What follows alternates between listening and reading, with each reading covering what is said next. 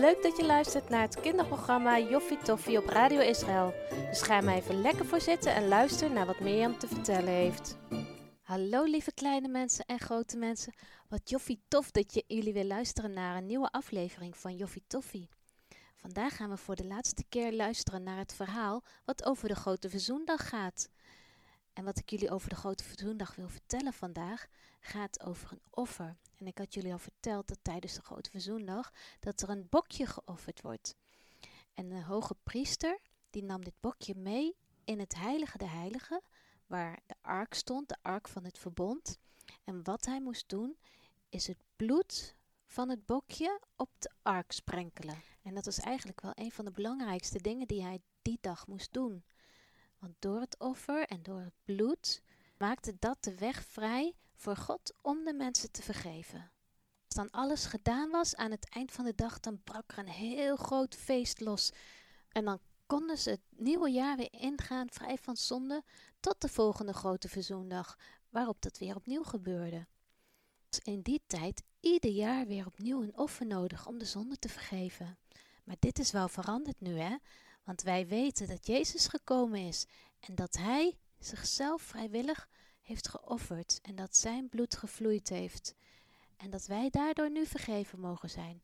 En gelukkig hoeft dat niet ieder jaar opnieuw te gebeuren, maar is dit voor eeuwig en voor altijd jou en mij nu. En ik wil graag met jullie een stukje lezen uit Hebreeën, uit hoofdstuk 10, 11, waar dit ook beschreven staat. Verder moest elke priester elke dag dienen en vaak dezelfde de offers brengen. Dat was omdat een offer nooit de ongehoorzaamheid van de mensen weg kon doen. Maar Jezus heeft één offer gebracht voor alle ongehoorzaamheid van alle mensen. En daarna is hij voor altijd naast God gaan zitten. Daar wacht hij tot het moment dat al zijn vijanden overwonnen zullen zijn. Want door één offer heeft hij de mensen die door hem bij God mogen horen ook volmaakt gemaakt. Dat is fijn hè? We hoeven tegenwoordig geen dieren meer te offeren om God te vragen om onze zonden te vergeven. Dat heeft Jezus al voor ons gedaan. Nou, we gaan weer luisteren naar het verhaal van Malik. Weet je nog dat hij thuis gekomen was en dat zijn moeder hem heeft vergeven? Maar zou zijn vader hem ook vergeven? Ik vraag het me af. Zullen we snel gaan luisteren? Waar is pap? vraagt Malik. Even is het stil. Dan zegt mama, kom maar mee. Het gaat niet zo goed met je vader. Hij is al een paar dagen ziek. En niemand weet wat er met hem aan de hand is. Zachtjes loopt Malik achter zijn moeder aan. Daar ligt zijn vader. Wat ziet hij er oud uit? Malik schrikt ervan. Pap, zegt hij. De ogen van zijn vader gaan langzaam open als hij Malik ziet staan, tilt hij zijn hand op. Malik ziet dat papa's hand trilt. Malik, zegt hij moeilijk, je bent weer thuis. Ja, pap, zegt Malik. Wat is er nu met u aan de hand? Dan vertelt zijn vader het hele verhaal. Een paar dagen geleden liep ik door de stad. Ineens zag ik ergens op een hoek een man staan, een profeet. Hij vertelde dat we erg veel verkeerde dingen hebben gedaan en dat God daaraan boos is geworden. Nu wil God de stad Ninive ons te boven keren. Ik weet niet hoe het komt, maar het leek wel of de woorden van die profeet als bliksem bij mij insloegen. Ik ben er ziek van geworden. Deze man heeft helemaal gelijk. Ik heb zoveel verkeerde dingen gedaan in mijn leven, zelfs voor jou, mijn eigen zoon, heb ik nooit goed gezorgd. Nu weet ik niet wat ik moet doen, want ik voel me zo schuldig. Malik knielt naast het bed van zijn vader neer. Hij pakt zijn trillende handen en vraagt: Weet u ook hoe deze profeet heet? Zijn vader kijkt hem aan. Dat, dat was, het was iets met een duif. Jona, riep Malik vragend. Vader knikt Ja, Jona was het. Die man ken ik, roept Malik. Hij was bij mij op het schip toen ik. Ik kan het verhaal niet zo snel vertellen, maar de God van Jona is een levende God, de God van de hemel. We moeten doen wat hij zegt en heel goed in onze oren knopen. De volgende morgen stapt Malik de deur uit. Overal in de straten vraagt hij waar Jona is. Het wordt een hele zoektocht, maar net na de middag komt hij in de straat terecht waar Jona ook is. Malik blijft op een afstandje staan. Hij ziet het gelijk. Het is Jona echt. Hoe is het mogelijk? Heeft hij dan gedroomd dat Jona door een reusachtige vis is opgeslokt? Hij hoort Jona roepen tegen de mensen: Nog even en dan zal Nineveh ondersteboven gekeerd worden hoor. De mensen die het horen schrikken van wat Jona zegt. Een van de mannen die erbij staat zegt: De koning heeft het bevel gegeven dat we allemaal onze rouwkleren aan moeten trekken en niet meer mogen eten of drinken.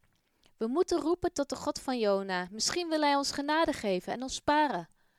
Die avond komt Malik weer thuis. Hij gaat snel naar het bed van zijn vader. Pap, zegt hij, ik heb de profeet gezien. Het is Jona. Dan vertelt Malik het hele verhaal van Jona. Hij vertelt over de schip en de storm en de grote vis. Vanmiddag heb ik Jona ook nog gesproken, zegt Malik. Hij heeft mij verteld dat hij drie dagen en drie nachten in de buik van de vis is geweest. Daar heeft hij tot God gebeden. Toen heeft de vis hem weer uitgesproegd op het land. En nu is hij hier, om ons te waarschuwen. Vader en moeder zijn er even stil van. Laten we ook onze rouwkleren aantrekken en roepen tot de God van Israël, zegt vader. En al onze goden moeten we kapot maken. Malik voelt verdriet om alle verkeerde dingen die de mensen in Nineveh hebben gedaan. Hij verdriet om de zonde die hij zelf heeft gedaan. Maar tegelijkertijd vertrouwt hij er ook op dat het goed komt. Hij heeft gezien dat God, de God van Israël, een God is die leert en die helpt. Er gebeurt iets bijzonders. Een paar dagen later staat Maliks vader op uit zijn bed. Hij knapt weer op en blijft maar vragen stellen aan Malik over de God van Israël. De dagen kruipen voorbij. Jona is de stad weer uitgegaan. De mensen in Nineveh houden hun adem in. Dan begint de veertigste dag. Malik is thuis. De hele dag gebeurt er niets. De stad Nineveh wordt gespaard, omdat de mensen gestopt zijn met hun zonde en God om vergeving hebben gevraagd. Als er s'avonds de zon weer ondergaat, dankt Malik samen met zijn vader en zijn moeder de God van Jona. Ineens voelt Malik zich heel blij worden. De God van Jona is ook zijn God en Israël is het volk waar hij nu bij mag horen. Deze God heeft hem zoveel geleerd op zijn bijzondere reis en hij heeft ook alles thuis goed gemaakt, tussen Malek en zijn vader en zijn moeder. Vandaag heeft hij hun leven gespaard en ook het leven van de andere mensen van Nineveh en van alle dieren die in de stad leven. Met een dankbaar en blij hart stapt Malik even later in zijn bed. Het laatste wat hij denkt voordat hij in slaap valt, is: Deze enige ware God wil ik voor de rest van mijn leven dienen. Vader in de hemel, dank u wel voor dit mooie feest. U herinnert ons er steeds aan dat we vergeving mogen vragen voor alle verkeerde dingen die we iedere dag doen. Wat een bijzondere God bent u.